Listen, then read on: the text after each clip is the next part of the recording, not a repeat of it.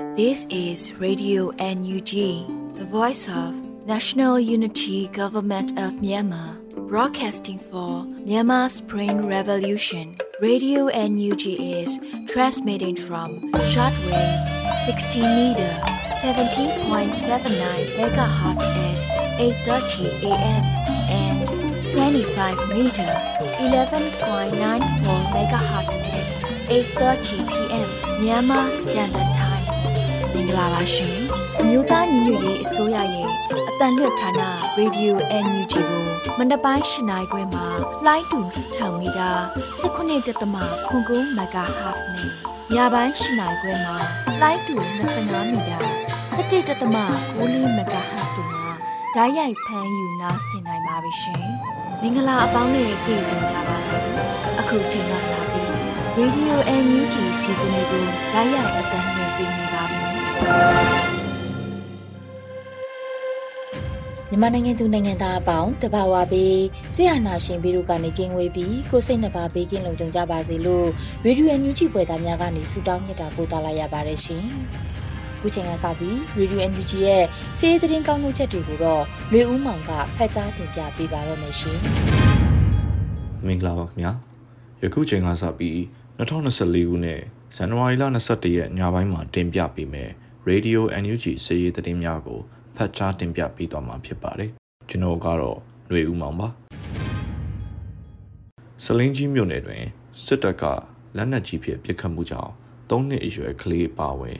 ၃ဦးသေဆုံးခဲ့တဲ့သတင်းကို တင်ဆက်ပေးပါမယ်။စကိုင်းတိုင်းစလင်းကြီးမြို့နယ်မှာအကြမ်းဖက်စစ်တပ်ကလက်နက်ကြီးနဲ့ပစ်ခတ်မှုကြောင့်အသက်၃နှစ်အရွယ်ကလေးငယ်အပါအဝင်အရက်သား၃ဦးသေဆုံးခဲ့ရတယ်လို့မြို့နယ်ပြည်သူ့အုပ်ချုပ်ရေးအဖွဲ့က ထုတ်ပြန်ပါတယ်။ဇန်နဝါရီလ20ရက်နေ့မနက်10:00နာရီခွဲခန့်အချိန်ကတိုက်ပွဲဖြစ်တာမရှိဘဲတောခိုကြီးရွာဘက်ကလက်နက်ကြီးနဲ့ပစ်ခတ်ခဲ့တာလို့ဒေသတွင်းသတင်းရင်းမြစ်တွေကလည်းပြောပါတယ်။အဲ့ဒီလက်နက်ကြီးကြီးကြောင့်အသက်3နှစ်အရွယ်မိန်းကလေးတဦးနဲ့အမျိုးသား2ဦးသေဆုံးခဲ့တဲ့အပြင်ဒဏ်ရာရသူလည်း9ဦးရှိခဲ့တယ်လို့သိရှိရပါတယ်။ဇလင်းကြီးမြို့ပေါ်ကထွက်လာတဲ့အကြမ်းဖက်စစ်ကောင်စီစစ်ကြောင်းဟာဇန်နဝါရီလ18ရက်နေ့ကလည်းစားထုံးရွာက ပြည်သူပိုင်နေအိမ်ခုနှလုံးကိုမီးရှို့ဖျက်ဆီးခဲ့တယ်လို့သိရှိရပါတယ်။အစိုးရစစ်ကောင်စီစစ်ကြောင်းဟာဇလင်းကြီးမြို့နယ်တမတော်ကြီးရွာမှာတပ်ဆွဲနေတဲ့အတွက်မိဘပြည်သူတွေအနေနဲ့ခြေပါပြည်သူကာကွယ်ရေးအဖွဲ့တွေရဲ့လမ်းညွှန်မှုအတိုင်းဘေးလွတ်ရာနေရာတွေမှာနေထိုင်ကြဖို့စလင်းကြီးမြို့နယ်ပြည်သူ့အုပ်ချုပ်ရေးအဖွဲ့ကတိုက်တွန်းထားပါတယ်ခင်ဗျာ။ဆက်လက်ပြီး ရေဦးနဲ့တပန်းရင်းမြို့နယ်အတွင်းရှိပြည်သူလူထုကိုလှည့်လည်တပ်ဖြတ်နေသည့်စစ်ကြောင်းကို drone rocket များဖြင့်တိုက်ခိုက်ခဲ့တဲ့တဲ့တင်ကိုတင်ဆက်ပေးပါမယ်။စကိုင်းတိုင်းထဲမှာရှိတဲ့ရေဦးနဲ့တပန်းရင်းမြို့နယ်ကဒေသခံပြည်သူတွေကိုလှည့်လည်တပ်ဖြတ်နေတဲ့စစ်ကောင်စီစစ်ကြောင်းကို drone နဲ့ပုံကျဲပြီး rocket တွေနဲ့ပစ်ခတ်တိုက်ခိုက်ခဲ့တယ်လို့ရှေးဘုတ်ခရိုင်တရင်14ရေဦး PDF ကထုတ်ပြန်ပါတယ်။ရေဦးမြို့ကနေအင်အားတရာကျော်နဲ့ထွက်လာတဲ့စစ်ကြောင်း ရေဦးမြို့နယ်မုတ်စီကျေးရွာမှာတက်ဆွဲနေစဉ်ဇန်နဝါရီလ20ရက်နေ့မွန်းလွဲတနာရီ45မိနစ်မှာတိုက်ခိုက်ခဲ့တာလို့သိရပါတယ်။ SSB 14B rocket နဲ့လက်နက်ကြီးကြီးလေးလုံး fixed wing drone နဲ့ပုံသီလေးလုံးအသုံးပြုတိုက်ခိုက်ခဲ့တယ်လို့ရေဦး PDF ကပြောပါတယ်။ဒီစစ်ကြောင်းဟာရေဦးနဲ့တပင်းမြို့နယ်ကြားမှာရှိတဲ့မုတ်စီရွာမှာဆက်လက်တက်ဆွဲထားဆဲဖြစ်တဲ့အတွက်ထိခိုက်သေးဆုံးမှုအခြေအနေကိုအတိအကျမသိနိုင်သေးဘူးလို့လည်းပြောပါတယ် အစိုးရတိုက်ခိုက်မှုကိုရွှေဘိုခရိုင်တရင်ဆက်လေးရေဦး PDF က SSB 14B rocket fixed wing drone များဖြင့်တိုက်ခိုက်ခဲ့တာဖြစ်ပြီးပြည်သူ့ကာကွယ်ရေးရဲဘော်တွေဘက်ကထိခိုက်မှုမရှိခဲ့ဘူးလို့ထုတ်ပြန်ထားပါတယ်ခင်ဗျာဆက်လက်ပြီးတနင်္သာရီတိုင်းဝန်ကြီးချုပ်လိုက်ပါလာသောရင်နံမိုင်းဆွဲတိုက်ခိုက်ခံခဲ့ရတဲ့တဲ့တင်ကိုတင်ဆက်ပေးပါမယ်စစ်ကောင်စီခန့်တနင်္သာရီတိုင်းဝန်ကြီးချုပ်ဦးမြတ်ကိုလိုက်ပါလာတဲ့ရင်နံဒဝဲဘိတ်ကားလမ်းပေါ်က တရချောင်းမြို့နယ်ထဲမှာမိုင်းဆွဲခံရတယ်လို့ဒေသခံတွေနဲ့ပြည်သူ့ကာကွယ်ရေးအဖွဲ့တွေကပြောပါတယ်။တနင်္သာရီတိုင်းဝန်ကြီးချုပ်ဦးမြတ်ကိုနဲ့စစ်ကောင်စီခန့်ဝန်ကြီးတွေဟာဇန်နဝါရီလ20ရက်နေ့မနက်ပိုင်းကတရချောင်းမြို့နယ်အုပ်ချုပ်ရေးမှူးရုံးမှာလုပ်တဲ့မြို့နယ်တာဝန်ရှိသူတွေဌာနဆိုင်ရာဝန်ထမ်းတွေနဲ့တွေ့ဆုံပွဲတက်ခဲ့တာလို့ဒေသတွင်းသတင်းဌာန The တနင်္သာရီ Times မှာဖော်ပြထားပါတယ်။အဆိုပါတွေ့ဆုံပွဲကနေကားအစီး20ဝန်းကျင်ပါတဲ့ရင်နံတပွဲမြို့ကိုပြန်လာချိန်ညောင်စင်ရွာနဲ့ ရန်တောင်ရွာကြားကတောက်ထိန်တောင်အနီးမှာမိုင်းဆွဲခံရတာလို့လည်းအသိပေးထားပါတယ်။အဆိုပါမိုင်းဆွဲတိုက်ခိုက်မှုကြောင့်စစ်ကောင်စီတပ်ဖွဲ့ဝင်တွေလိုက်ပါလာတဲ့ကားနစီထိမှန်ခဲ့တယ်လို့သိရပေမဲ့စစ်ကောင်စီတပ်ဖွဲ့ဝင်တွေရဲ့ထိခိုက်မှုအခြေအနေကိုမသိရသေးဘူးလို့တရချောင်းမြို့နယ်ပြည်သူ့ကာကွယ်ရေးအဖွဲ့ကပြောပါတယ်။အဆိုပါရင်တန်းမိုင်းဆွဲခံရပြီးနောက် လမ်းတစ်လျှောက်လုံခြုံရေးယူနေတဲ့စစ်ကောင်စီတပ်ဖွဲ့ဝင်အင်အားတရာကျော်ဟာညောင်စင်ရွာနဲ့ရန်တောင်ရွာအတွင်းဝင်ရောက်ကဒေသခံတွေရဲ့နေအိမ်တွေကိုဝင်ရောက်စစ်ဆေးခဲ့တယ်လို့လည်းသိရှိရပါတယ်။တနင်္သာရီတိုင်းဝန်ကြီးချုပ်ရင်နန်းမိုင်းဆွဲမခံရခင်နှစ်ရက်အတွင်းမှာလည်းအင်အား90ခန့်ရှိတဲ့စစ်ကောင်စီတပ်ဖွဲ့ဟာတရချောင်းမြို့နယ်အုတ်တူရွာတွေကိုစစ်ကြောင်းထိုးဝင်ရောက်ခဲ့ပြီးအိမ်ခုနှစ်လုံးကိုမီးရှို့ဖျက်ဆီးခဲ့တယ်လို့သိရှိရပါတယ်ခင်ဗျာဆက်လက်ပြီး စကိုင်းတိုင်းအင်းတော်နဲ့ရေဦးမြို့နယ်များတွင်စစ်ကောင်စီတပ်များစစ်ကြောင်းထိုးဝင်ရောက်၍တောင်းကျမ်းဖျက်ဆီးခဲ့တဲ့တဲ့တင်ကိုတင်ဆက်ပေးပါမယ်။စကိုင်းတိုင်းအင်းတော်နဲ့ရေဦးမြို့နယ်များတွင်စစ်ကောင်စီတပ်များစစ်ကြောင်းထိုးဝင်ရောက်၍တောင်းကျမ်းဖျက်ဆီးနေတယ်လို့ဇန်နဝါရီ21ရက်အင်းတော်အချိန်တွေကို IR team ကအတည်ပြုဆိုထားပါတယ်။မိုးကျူရွာမှစစ်ကောင်စီ60ကျော်ခန့်မှယခုမနက်ပိုင်းတွင်နဘားရွာသို့ရောက်ရှိခဲ့ပါတယ်။ ရခင်စစ်ကောင်စီများအပါအဝင်နဘားလန်းစုံနဲ့နဘားရွာတွင်စုစုပေါင်းစစ်ကောင်စီအင်အား150ကျော်ခန့်ပေါင်းမိသွားပါတယ်လို့ဆိုပါတယ်။ထို့အပြင်ရေဦးနယ်မုတ်စီရွာရောက်ရှိနေသောအကြမ်းဖက်စစ်ကောင်စီစစ်ကြောင်းသည်မုတ်စီရွာတွင်ဆက်လက်တပ်ဆွဲနေကြောင်းသိရပါတယ်။အစိုးပါရေဦးနယ်သို့ဝင်ရောက်နေသောစစ်ကြောင်းသည်တပိန်းမြို့နယ်ထဲတွင်အရသာ9ဦးကိုခေါင်းဖြတ်ခြေဖြတ်လက်ဖြတ်ကတပ်ဖြတ်ခဲ့သောစစ်ကြောင်းလည်းဖြစ်တယ်လို့ရေဦးနယ်တော်လှန်ရေးအင်အားစုများထံကသိရှိရပါတယ်ခင်ဗျာ နောက်ဆုံးတင်ဆက်ပေးမယ့်သတင်းကတော့ကိုကန့်နယ်တအောင်ဒေသတွင်တိုက်ပွဲများရောနေသွားတော့လဲစစ်တပ်ကစစ်ရာဇဝတ်မှုများဆက်လက်ကျူးလွန်နေသောကြောင့်အယက်သားထိခိုက်ဒေဆုံးမှုများရှိနေစေဟုညီနောင်သုံးဘက်ကအသိပေးခဲ့တဲ့သတင်းကိုတင်ဆက်ပေးပါမယ်။2029စစ်စင်ရေး86ကြိမ်မြောက်တိုက်ပွဲသတင်းတွေထုတ်ပြန်ရမှာယခုလိုအသိပေးလိုက်ပါတယ်။ရခိုင်ပြည်နယ်အတွင်းကပေါက်တော်နဲ့မြင်းပြားမြို့နယ်တို့မှာရခိုင်တပ်တော် AA နဲ့စစ်ကောင်စီတပ်တွေကြားမြို့ရင်းတိုက်ပွဲတွေနေ့စဉ်နှီးပါရှိနေရမှာ စစ်ကောင်စီတပ်တွေဟာတိုက်ပွဲဖြစ်ရာနေရာတွေတွင်မဟုတ်ပဲ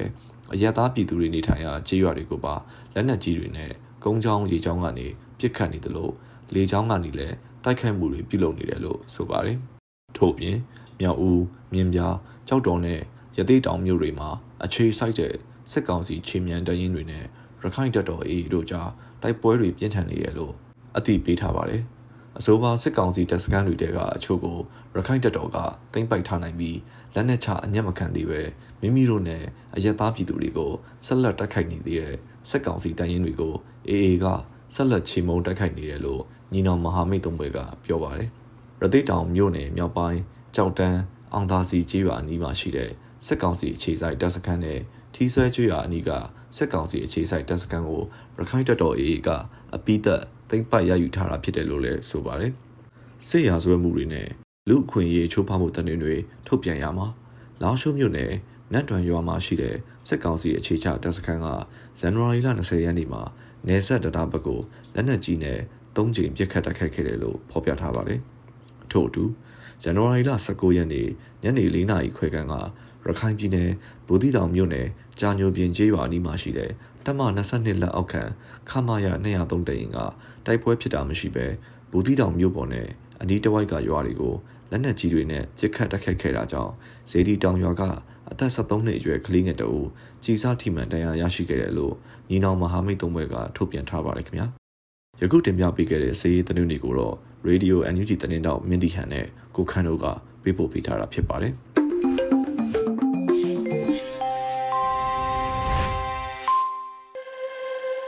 ရေဒီယိုညူချီရဲ့ညပိုင်းစီစဉ်တွေကိုဆက်လက်တင်ပြနေပါတယ်။အခုဆက်လက်ပြီးပြည်တွင်းသတင်းများကိုတော့နှွေဦးမုံမှဖတ်ကြားတင်ပြပေးပါတော့မရှင်။မင်္ဂလာညချမ်းပါရှင်။2024ခုနှစ်ဇန်နဝါရီလ22ရက်နေ့ Radio Energy ပြည်တွင်းသတင်းတွေကိုတင်ပြပေးသွားပါမယ်။ကျွန်မကတော့နှွေဦးမုံပါ။မြောက်ကယ်ရိုလိုင်းနာပြည်နယ်ရှိတိုင်းသားပြည်သူတွေရဲ့တွေ့ဆုံပွဲမှာတမ်မတ်ကြီးဦးကျော်မိုးထွန်းပုံပါဒီရှက်တွေကိုရောင်းချ Federal Net Campaign ဖွဲ့စည်းလူဒန်းမယ်ဆိုတဲ့သတင်းကိုတင်ပြပေးပါမယ်။ American နိုင်ငံမြောက်ကယ်ရိုလိုင်းနာပြည်နယ်ရှိတိုင်းသားပြည်သူတွေရဲ့တွေ့ဆုံပွဲမှာတမ်မတ်ကြီးဦးကျော်မိုးထွန်းပုံပါဒီရှက်တွေကိုရောင်းချပေးသွားမယ်လို့သိရပါတယ်။မြို့သားညီညွတ်ရေးအစိုးရ Energy ဒုတိယနိုင်ငံခြားရေးဝန်ကြီးဦးမိုးစောဦးကုလသမဂ္ဂဆိုင်ရာမြန်မာအမြဲတမ်းကိုယ်စားလှယ်တမ်မတ်ကြီးဦးကျော်မိုးထွန်းတို့နဲ့မြောက်ကယ်ရိုလိုင်းနာပြည်နယ်ရှိတိုင်းသားပြည်သူတွေရဲ့တွဲဆုံပွဲကိုဇန်နဝါရီ29ရက်နေ့လယ်12နာရီမှညနေ9နာရီထိ Caramboro Hampton Inn Meeting Room မှာကျင်းပသွားမှာဖြစ်ပါတယ်။တိုင်းသားပြည်သူတွေနဲ့ချင်းနီးချစ်ခင်စွာတွေ့ဆုံကြမယ့်ပွဲကိုတက်ရောက်ကြဖို့အတွက်ညီကိုမောင်မတွေလှုပ်ဖို့ကိုင်းမက်တွေရဲဘော်ရဲဘက်တွေကိုဖိတ်ကြားထားပါတယ်။အိမ်ဒီပွဲခန်းနာမှာတမကြီးဦးကျော်မိုးထွန်းပုံပတီရှပ်တွေကိုရောင်းချပေးသွားမှာဖြစ်ပြီးတီရှပ်ရောင်းချရမှရရှိလာမယ့်ရန်ပုံငွေတွေကိုအင်တာနက်မရရှိတဲ့နေရာဒေသတွေကိုအင်တာနက်ရရှိအောင်လှုပ်ဆောင်ပေးမဲ့ Ferronet Campaign အဖွဲ့စီလှူဒန်းပေးသွားမှာလို့သိရပါတယ်ရှင်။ ပလဲမြို့နယ်တွင်ရှိကန့်သက်စီရီရှောင်းစခန်းသို့ပလဲမြို့နယ်ပြည်သူ့အုပ်ချုပ်ရေးအဖွဲ့လူသားစာနာတာဝန်ခံမှမြို့နယ်ပြည်သူ့အုပ်ချုပ်ရေးအဖွဲ့တို့နဲ့အတူထောက်ပံ့မှုများလှုံ့ဆော်တဲ့သတင်းကိုဆက်လက်တင်ပြပေးပါမယ်။ပလဲမြို့နယ်တွင်ရှိကန့်သက်စီရီရှောင်းစခန်းသို့ဇန်နဝါရီ20ရက်နေ့မှာပလဲမြို့နယ်ပြည်သူ့အုပ်ချုပ်ရေးအဖွဲ့လူသားစာနာတာဝန်ခံမှမြို့နယ်ပြည်သူ့ကာကွယ်ရေးအဖွဲ့တို့နဲ့အတူလူရှင်များလူဒန်းသောပစိုးဝေစားများနဲ့စစ်ဆောင်စခန်းများမှရှိကြသည့်ကလေးများအတွက်ကစားစရာအယုံများကိုတွားရောက်ထောက်ပံ့ပေးအပ်ခဲ့ကြပါတယ်။ လူရန်ပေးကြတဲ့လူရှင်များအားပလဲမြို့နယ်ပြည်သူ့အုပ်ချုပ်ရေးအဖွဲ့မှအထူးပင်ကျေးဇူးတင်ရှိပါတယ်လို့ဆိုပါတယ်။ကန့်သက်စီပေးရှောင်းစခန်းဟာတလလျက်စန်း105တဲ့စီပုံးကြီး7ပုံးနဲ့ခြားသောအိမ်သုံးပစ္စည်းများစားဝတ်ကြောင်းသုံးပစ္စည်းများလိုအပ်နေ၍ပြည်ရင်းပြည်ပမှလူရှင်များအနေနဲ့ဆက်လက်ကူညီလှူဒန်းပေးကြဖို့နှိုးဆော်ထားပါတယ်ရှင်။ဂျာကာလတရားစီရင်ရေးဆိုင်ရာဦးစီးဌာနနဲ့မြေပြင်တရားသူကြီးများတွေ့ဆုံဆွေးနွေးတဲ့တဲ့ရင်ကိုလည်းတင်ပြပေးပါဦးမယ်။ မြို့သားညီညွတ်ရေးအစိုးရတရားရေးဝန်ကြီးဌာနနဲ့မြေပြင်တရားသူကြီးများတွေ့ဆုံဆွေးနွေးပွဲအမှတ်စဉ်တင်မြင့်ဆောင်2024ကိုဇန်နဝါရီ20ရက်ကျင်းပခဲ့ပါတယ်။ပထမဦးစွာတရားရေးဝန်ကြီးဌာနဂျာကာလတရားစီရင်ရေးဆိုင်ရာဦးစီးဌာနညွှန်ကြားမှုချုပ်မှအဖွဲ့မှစကားပြောကြားရမှာတရားရုံးများတွင်နေ့စဉ်နဲ့များကြုံတွေ့နေရတဲ့အခက်အခဲများကိုဦးစီးဌာနနဲ့ပုံမှန်လင်းလင်းဆွေးနွေးတိုင်ပင်နိုင်ရန်အတွက်ဦးစီးဌာနနှင့်တွေ့ဆုံသည့်အစည်းအဝေးများကိုကျင်းပရခြင်းဖြစ်ကြောင်း လုပ်ငန်းများဆောင်ရွက်ရာတွင်အခင်ကမြို့နယ်တရားရုံးများအနေနဲ့လုံအားရုံငွေအားပါစိုက်ထုတ်ပြီးလုပ်ကိုင်ခဲ့ကြရမှာခုခါတွင်ထိုက်သိသည့်ထောက်ပံ့မှုများထောက်ပံ့လာနိုင်သည့်အတွက်လုပ်ငန်းလည်ပတ်ရာတွင်ပုံမှုအဆင်ပြေလာမည်ဟုထင်ပါကြောင်းတရားဥပဒေစိုးမိုးရေးဆောင်ရွက်ရာတွင်အမှုများအမြဲတမ်းစွာဆောင်ရွက်နိုင်ရေးတရားစီရင်ရန်တရားပုံမှုလည်ပတ်နိုင်ရေးအတွက်တရားစွဲဖွဲ့စည်းများနဲ့မြေပြင်တွင်ညီနိုင်ဆောင်ရွက်ကြရမည်ဖြစ်ကြောင်းပြောကြားခဲ့ပါတယ်။ခန္ဓာသို့ဂျာကာလတရားစီရင်ရေးဆိုင်ရာညွှန်ကြားမှုချုပ်ရုံးဖွဲ့မှု ညွှန်ကြားမှုများဂျာကာလတရားစီရင်ဆိုင်ရာဦးစီးဌာနမှတာဝန်ရှိဝန်ထမ်းများနဲ့မြေပြင်တရားရုံး28ရုံးမှတရားသူကြီးများဆက်သွယ်ရေးတာဝန်ခံများတက်ရောက်ခဲ့ကြပါတယ်ရှင်။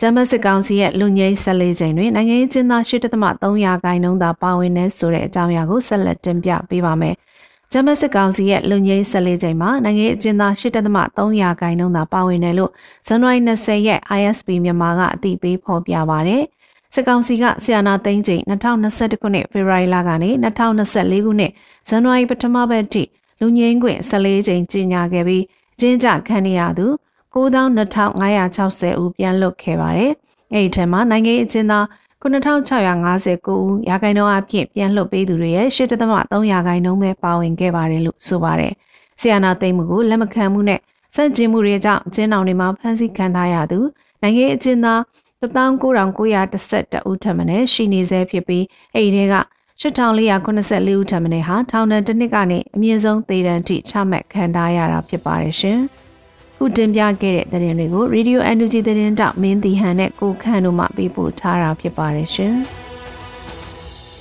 ။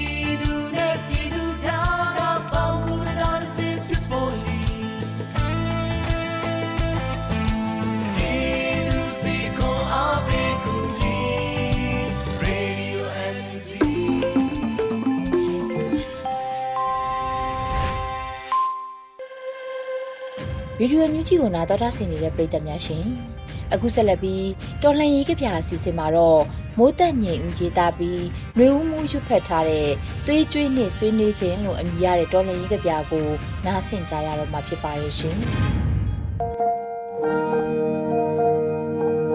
သွေးကြွေးနဲ့ဆွေးနွေးခြင်း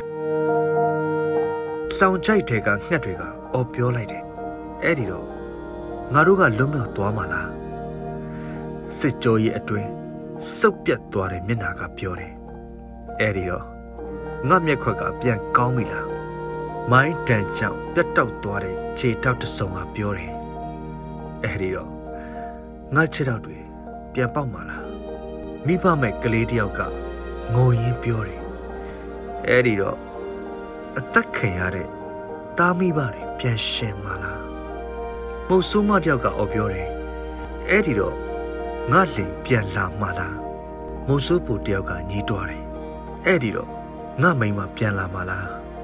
အဖွားအိုတယောက်ကပြောတယ်အဲ့ဒီတော့ငါသားသမီးငါမြေးတွေပြန်လာမှလားအဖိုးအိုတယောက်ကပြောတယ်အဲ့ဒီတော့မီးအရှုပ်ခံလိုက်ရတဲ့ငါရွာအကောင့်တိုင်းပြန်ရမှလားအလုတ်လက်မဲ့ဝန်ထမ်းတယောက်ကပြောတယ်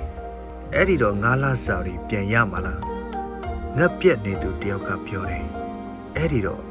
ညစာအကောင်းကောင်းစားရမှလားအိမ်ရမဲ့တယောက်ကပြောတယ်အဲ့ဒီတော့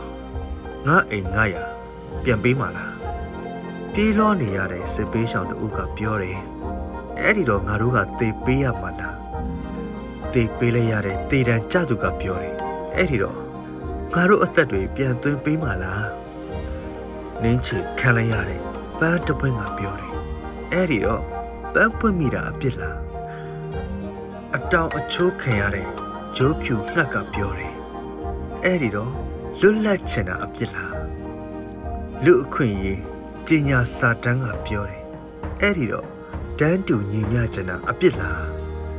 အယိုးတုံတန်တွေနဲ့ကဘာတုံဟေးအောင်တံပြန်ဟစ်တန်ကိုကြားကြရတယ်သွေးကြွေးမှာဆွေးနွေးစရာမရှိသွေးကြွေးမှာ ဆွေးနွေးစရာမရှိမုတ်တညေဦး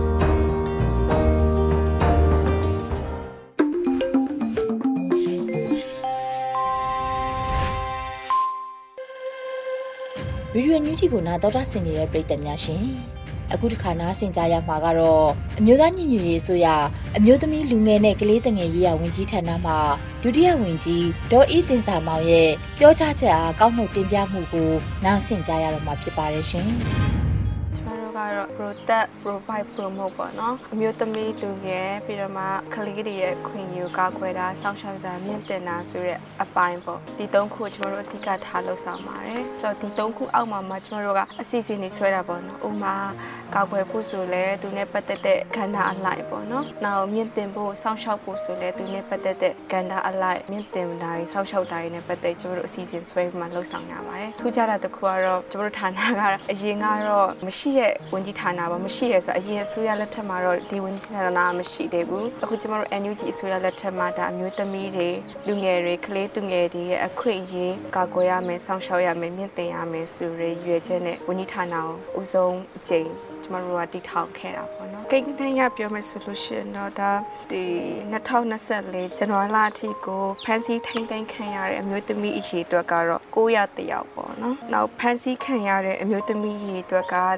468ယောက်ရှိသွားပါပြီဒါကကျမတို့အသက်အရွယ်ကိုစီကြည့်မယ်ဆိုရင်အသက်15နှစ်ကနေ35နှစ်အတွင်းကိုကျမတို့စီထားတာဖြစ်ပါတယ်ပေါ့နော်တည်ဆုံးတဲ့ဦးရေအရေးအတွက်ကတော့260ရှိသွားပါပြီရှင်ဟိုစိတ်မကောင်းစရာတစ်ခုကကျမတို့ကြံခဲ့တဲ့အပတ်အတွင်းမှာကိုရက်သက်တစ်ပတ်အတွင်းမှာကိုကလေးသူငယ်တည်ဆုံးတဲ့ဦးရေ20လောက်ရှိတယ်ဆိုတော့တစ်ပတ်အတွင်းမှာကိုသူကပို့ပြီးတော့မှမြင့်တဲ့သဘောပေါ့နော်ဆိုတော့အခုကဒီအကြံဖက်ဆက်ကဆစစ်ကောင်စီကနေပြီးတော့မှဒါကလေးသူငယ်လည်းမရှောင်ဘူးအရက်သားပြည်သူလည်းမရှောင်ဘူးဒါရွေချက်ရှိရှိပြစ်မှတ်ထားတိုက်ခိုက်နေတဲ့ကိစ္စတွေမှာကျမတို့ကဒါကိုအမြန်ဆုံးအပြစ်ပေးနိုင်ဖို့အပြစ်ပေးအရေးယူနိုင်ဖို့ကျမတို့စူးစမ်းကြရတယ်စူးစမ်းတဲ့အခါကျတော့ကျမတို့ကပြည်တွင်းတရားစီရင်ရေးကောနောက်နိုင်ငံတကာတရားစီရင်ရေးပါကျမတို့ကစူးစမ်းရတယ်ဥပမာအဖြစ်အနည်းဆက်ဆုံးဖြစ်စဉ်ပြရမယ်ဆိုရင်ဒါကနန်နဲ့ပတ်သက်ပြီးတော့မှပေါ့နော်ဒါစကားစကနေပြီးတော့မှလေချောင်းကနေပြီးတော့မှအင်အားသုံးပြီးတိုက်ခိုက်တဲ့ကိစ္စပေါ့နော်ဒီလိုကိစ္စမျိုးတွေမှာကျမတို့ကနိုင်ငံတကာအတိုင်းဝိုင်းကိုတည်အောင်များများပြောရတယ်နောက်တစ်ခုကတော့များများတိုက်တွန်းရတယ်ပေါ့နော်ဘာလို့လဲဆိုတော့ဒီလိုဖြစ်ရမျိုးတွေဖြစ်လာလို့ရှိရင်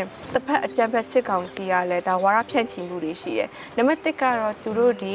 ရက်သားပြည်သူတွေအပေါ်ကိုဘုံကျဲတာမဟုတ်ဘူးတိုက်ခိုက်တာမဟုတ်ဘူးပေါ့နော်အထူးသဖြင့်သူတို့ PDF တွေရှိလို့နောက်တစ်ခုအာစာတင်ကြောင်းတွေမှာဆိုလဲဒါ PDF တွေတက်ဆွဲထားလို့ဆိုရရွယ်ချက်တွေနဲ့သတင်းဖုံးလေးရှိတယ်အမှန်တရားကိုပျောက်ကွယ်အောင်လုပ်လေးရှိတယ်ပေါ့နော်ဘာပဲပြောနိုင်ငံတကာတိုင်းဝိုင်းဆိုတာကလည်းသတင်းပေါင်းစုံကိုယူရတဲ့ထဲမှာပါတယ်လေဆိုတော့ကျမတို့ကဒါကိုနိုင်ငံတကာတန်ယုံနေနောက်တစ်ခုသတင်းစာတွေနောက်ဒါတွေနဲ့ပတ်သက်တဲ့ရန်တရားတွေရှိတယ်ဥပမာအားဖြင့် WI7N လိုရန်တရားတွေမျိုးပေါ့နော်ဒါကိုကျမတို့ပေးပို့ပြီးတော့မှဆောင်ရွက်ရတယ်ဆိုတော့ဒီကာလမှာလည်းအမျိုးသမီးရေးနဲ့လူငယ်ရေးကလေးသူငယ်ရေးရနိုင်ငံတကာအရင်စိတ်ဝင်စားတဲ့အထဲမှာပါတယ်ပေါ့နော်နိုင်ငံတကာကတော့သူ့ရဲ့လှုပ်လုပ်ထုံးလုပ်နေအတိုင်းပဲသွားတာပေါ့နော်ဒါပေမဲ့လည်းကျမတို့ကတော်လန်ရေး၃နှစ်ကြာလာတဲ့အခါမှာတော့ကျမတို့ဘက်ကတော့ဒီထက်ပိုတဲ့အရေးယူဆောင်ရွက်မှုတွေကျမတို့ကလိုချင်တာပေါ့နော်နောက်တစ်ခုကတော့ဒီကြားထဲမှာလည်းအများကြီးပဲကိစ္စတွေလည်းဖြစ်ပြသွားတော့မြန်မာ issue နဲ့အပြိုင်နောက်ထပ် issue တွေအများကြီးလည်းပေါ်လာတယ် Ukraine Russia တို့လည်း issue မျိုးတွေပေါ့နော်ဆိုတော့ဒါတွေကိုလည်းကျမတို့ကလွှမ်းမသွားဖို့ပေါ့နော်ကို issue လည်းတစ်ခါတည်းနိုင်ငံတကာမှာတက်နေဖို့အရင်စူးစမ်းရတယ်ပေါ့နော်အာဒါပေမဲ့လည်းလှုပ်ရှားရှိရဲ့ကိစ္စကတော့ကိုယ့်ဘက်ကလှုပ်တာတော့ မလွန်ပါဘူးဆိုတော့အဲ့နီလန်တိုင်းပဲသွားနေပါတယ်ကျမတို့ကတော့အမှန်တော့စိတ်တန်ရာကျမတို့ကိုယ်စီမှာရှိတယ်လေမြန်မာနိုင်ငံမှာကတော့စိတ်ကျမ်းမာရေးစောက်ရှောက်ဖို့လို့ပြောရင်နည်းနည်းစိမ့်နေပေါ့နော်စိမ့်နေဥမာစိတ်ကျမ်းမာရေးကုသဖို့လိုတယ်ဆိုရင်ယူနေလားလို့ထင်ကြရပေါ့နော်ယူနေလို့အဟာကုခိုင်းတာလားဆိုမှထင်ကြတယ်အမှန်တော့မဟုတ်ဘူးလူတိုင်းမှာကိုယ်စိတ်တန်ရာဆိုတာအသေးအကြီးလိုက်ရှိတယ်ပေါ့နော်ဒီကာလဆိုပို့ဆိုးတယ် ကျမတို့ကဒီကာလမှာဖြတ်တန်းမှု ကြီးကြတယ်လေကြီးရောလူတိုင်းမှာကိုယ်စိတ်တန်ရာရှိတယ်နားထောင်ရတာပဲဖြစ်ဖြစ်ကြားရတာပဲဖြစ်ဥမာ Facebook သုံးနေဆိုရင်တော့မှတည်င်းနေကြည့်ရစိတ်ချမ်းသာစရာတည်င်းနေတက်လာရင်အနည်းနဲ့များထိခိုက်တယ်ဒါကြောင့်မလို့စိတ်ကျန်းမာရေးနဲ့ပတ်သက်ရင်ကောင်းကောင်းလေးကုသမှုခံယူစေချင်တယ်ကျမတို့ဌာနကလည်းအဲ့လိုအစီအစဉ်နဲ့ပတ်သက်ပြီးတော့မှလှုပ်ထားတာရှိတယ်သူကတော့အလကားကုသပေးတာပေါ့နော်အခမဲ့ကုသပေးတိုင်မင်ဖော်ဆိုတဲ့ channel ရှိတယ်ကိုကလည်း online သုံးနေတယ် Facebook ပေါ်မှာလည်းရှိတယ်ဆိုရင်အချိန်မြင့်ဆက်သွယ်ပြီးတော့မှဒါကျမတို့ကုသမှုခံယူလို့ရတယ်သူအလကားအခမဲ့ဆိုတိုင်းမကောင်းမှုမဟုတ်ဘူးเนาะတော်တော်လေးကျွမ်းကျင်တဲ့ဆရာဝန်တွေကုသပေးတာပါ နောက်တစ်ခုကဒီကာလမှာအမျိုးသမီးတွေဥဆောင်မှုကလည်းရှိတဲ့ပြည်ညာလေသူကအခက်ခဏကြီးတဲ့ခါကျတော့သူတယောက်ချင်းစီရဲ့လှုပ်ဆောင်မှုတွေပါခိုင်းစေခြင်းတယ်ဥပမာဒီထဲမှာရှိတဲ့အမျိုးသမီးနှစ်ယောက်ရဲ့သူကလှုပ်ရှားမှုဆိုရင်သူကဏ္ဍတီတီမှာသူတို့ရဲ့ဖြတ်တန်းမှုကအရေးပါတယ်မိလျန်ကြားကကြာဆိုရင်လည်းသူကအဲ့စစ်တင်တန်းတက်ဖို့အတွက်ရောက်သွားတဲ့နေရာမှာသူတယောက်တည်းအမျိုးသမီး အကျန်တဲ့သူကအမျိုးသားဖြစ်နေတဲ့အခါမှာပတ်ဝန်းကျင်ရဲ့မေးမြန်းမှုတွေအထင်သေးမှုတွေလည်းရှိတာပေါ့နော်အဲ့ထဲမှာမှသူရအောင်ရုံထွက်ခဲ့ရပုံနဲ့စူးစမ်းခဲ့ရမှုတွေကိုသူတိချပြောပြထားတာဆိုတော့မကွေးသူတောက်လည်းပေါ်စင်လည်းအဲ့တိုင်းပဲကျွန်မပိုစတာကြည့်ကြတဲ့သဘောကျရဲ့ကြိုက်တယ်သူ့မှာ energy တစ်ခုရတယ်ပေါ့နော်သူ့ရဲ့ပိုစတာကိုကြည့်ကြတဲ့ band တစ်ခုပန်ထားတယ်နောက်တစ်ခုကတော့ဒီစစ်ဝတ်စုံနဲ့ပေါ့နော်နောက်ဘလို့ energy ရလဲဆိုတော့ကျွန်တော်တို့ကစစ်ဝတ်စုံဝေရင်ဟိုမာထန်ရမယ်ဆိုရရည်ရွယ်ချက်ပဲရှိရတယ်နော်အမျိုးသမီးဆိုရင်ဘာဖြစ်တယ်အမျိုးသားဆိုရင်ဘယ်လိုပုံစံနေရမယ်ဆိုတတ်မှတ်ချက်ရှိရအဲ့လိုပဲစစ်ဝတ်စုံဝတ်လိုက်ရင်ကြကြရရနေရမယ်ပန်းမပန်ရဘူးဆိုရသူတို့တတ်မှတ်ချက်တွေရှိတာဒါပေမဲ့လည်းသူ့ပုံကိုကြည့်ကြတဲ့ကအဲ့လိုတတ်မှတ်ချက်တွေထဲကထွက်ပြီးတော့မှ energy တစ်ခုရတယ်ကွယ်နော် poster တွေကြည့်ကြတဲ့ဇက်ကတော့ပေါက်မှာပါနော်ပြီးတော့ PPTV ရဲ့ကြိုးစားမှုလည်းပါပါတယ်သူ team တစ်ခုလုံးလည်းကောင်းတယ် story လည်းကောင်းတယ်လေအဲ့ဒါကြောင့်မလို့ဒီဇလန်လေးတွေကပေါက်တယ်ဆိုတော့ထောင်ထဲရောက်သွားရင်တော့သူက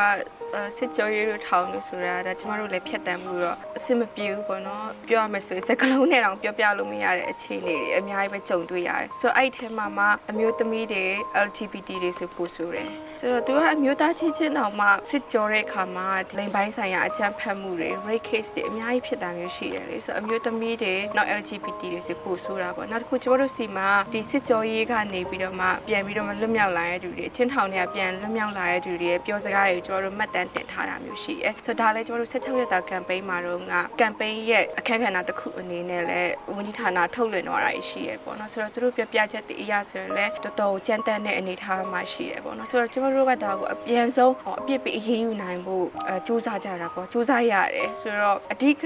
သူ့ရဲ့အကြောင်းရင်းကိုတွားကြည့်နော်ဒီအာနာရှင်စနစ်အများဆုံးပြတ်သိမ်းရေးပေါ့နော်ပြတ်သုံးရေးဒီလူတွေမရှိမှဖြစ်မှာလေဒီလူတွေရှိနေတွေ့ရတော့ဒီဇက်လန်ကဒီလိုပဲလဲနေအောင်မှာဆိုတော့ဒါကိုအများဆုံးဖြတ်သိမ်းနိုင်မှုစူးစမ်းရတာပေါ့နော်ကျမတို့ဝန်ကြီးဌာနကလည်းဒီကဏ္ဍမှာတနည်းတစ်ဖုံအားဖြင့်တော့ပါဝင်ပြီးတော့ကူညီပေးနေကြပါတယ်ဟုတ် ပတ်ဝန်းကျင်မှာကြုံတွေ့နေရတဲ့အကြောင်းအရာတွေပါပဲကိုကတခြားတနေရာကိုရောက်သွားတယ်ဆိုလို့ရှိရင်ပတ်ဝန်းကျင်ရဲ့ဆက်တက်မှုကိုခံရတာပေါ့နော်ဆိုတော့တော်လန်ရဲ့ဆက်တက်မှုကိုလည်းခံရတယ်ဆိုတော့တော်လန်ရဲ့ဆက်တက်မှုကတော့ဒီလက်နက်ကင်ဖို့ဝင်လာတဲ့သူရောတော်လန်ရဲ့လှုပ်ဖို့ဝင်လာတဲ့သူရောဘယ်လိုမှဆိုခံရတာပဲလေ ဒါပေမဲ့ဆိုတော့သူလူအတိုင်းဝိုင်းထဲမှာကိုကလူတွေတတ်မှတ်ထားတဲ့စံချိန်ပြည့်တယ်မပြည့်ဘူးဆိုတော့ဒါကတော့ပတ်ဝန်းကျင်ရဲ့အမြင်ပေါ့နော်ဒါကျွန်တော်တို့နဲ့မဆိုင်ပါဘူးဒါရိုက်ရိုက်ဖြတ်ရမယ်အထဲမှာပါတယ်ဆိုတော့သူတတ်မှတ်ထားတဲ့အမြင်မျိုးမျိုးရှိတာပေါ့အဲ့ဒီထဲမှာအမျိုးသမီးဆိုရင်တတ်မှတ်မှုကသူကမလုံနိုင်ဘူးအားနွယ်တယ်ဆိုတော့ဒါကဒီလိုဖြစ်ရမယ်ဆိုတတ်မှတ်ချက်တွေပေါ့နော်ဆိုတော့ကိုကပတ်ဝန်းကျင်တစ်ခုရောက်သွားတဲ့အခါမှာအဲ့စံနှုန်းတွေနဲ့ပဲတိုင်းကြတာပေါ့နော်တော်တော်များများတော့အများကြီးပဲစိန်ခေါ်မှုတွေရှိတာပေါ့ဆိုတော့ထပ်ဆောင်ပြောရမယ်ဆိုရင်တာမန်အမျိုးသားတယောက်ကြုံတွေ့ရတဲ့ခက်ခဲကိုမှ plus ပေါင်းထည့်ပြီးတော့မှအဲတခြားရေဆိုင်မှုတွေပါအများကြီးကြော်ဖြတ်ရတာပေါ့နော် ထွေထူးတော့မဟုတ်ပါဘူးအာနာရှိစနစ်အများဆုံးပြတ်သိမ်းဖို့ဒီစစ်ကောင်စီအများဆုံးကြက်ဆုံးဖို့ဒါအရင်ကြီးကြည့်တယ်ဆိုတော့ခါလေးကြိုက်ကြတော့အလုံးလုံးရင်းနဲ့မေ့သွားတာပေါ့နော်ကိုကကိုလုံနေရလို့တခုအားဆိုင်လုံရင်လုံရင်နဲ့မေ့မေ့သွားရှိတယ်ဆိုတော့ဒီကိစ္စနဲ့ပတ်သက်ပြီးကျမတို့ဝန်ကြီးချုပ်ကလည်းခဏခဏပြောတယ်ပေါ့နော်ဆိုတော့ကိုကဘာပဲလုပ်လို့အာနာရှိစနစ်ကြဆုံးယူကိုဒါအများနဲ့စိတ်ထဲမှာရှိမှန်းပြီးတော့မှလုပ်ရမယ်မဟုတ်လို့ရှိရင်ကိုဘာပဲပြောပြောဘာပဲလုပ်လို့အလကားဖြစ်သွားလိမ့်မယ်ပေါ့နော်သူရဲ့အကြောင်းအရင်အမှန်ကမကြဆုံးပဲနဲ့ကျမတို့တခြားဟာတွေကနောက်ဆက်တွဲကျိုးဆက်တွေဖြစ်တဲ့ခါကျတော့တကယ်အကြောင်းရင်းမှန်ကိုကျမတို့မဖြတ်သိမ်းနိုင်ပြဿနာရှိမယ်ပေါ့နော်ဆိုတော့ဒီ2024မှာလည်းကျမတို့အာနာရှင်စနစ်ပြတ်သုံးရေးအတွက်ကြိုးကြိုးဆဆလုံးမှာဖြစ်မယ်ဆိုတော့ပြောရင်းနဲ့နှစ်တမှာကျမကြပါစေလို့တခါရဆုတောင်းပါတယ်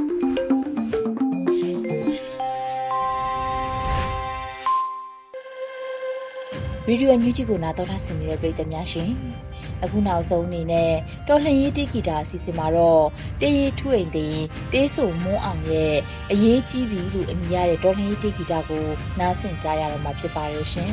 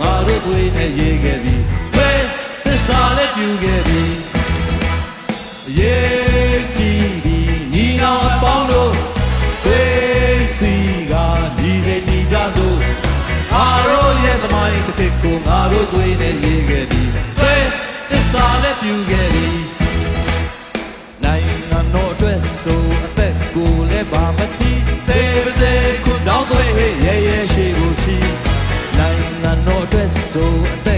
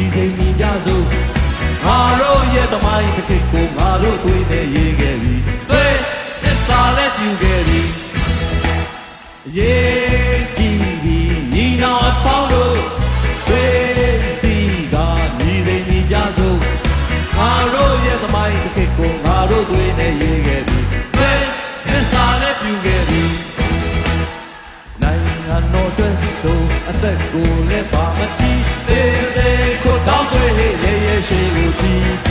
နိုင်ငံတော်အတွက်ဆိုအသက်ကိုလည်းပါမတီးတေးစေခုတောင်းသွေးလေးရေရေရှိကိုချီလုံလောက်ခွင့်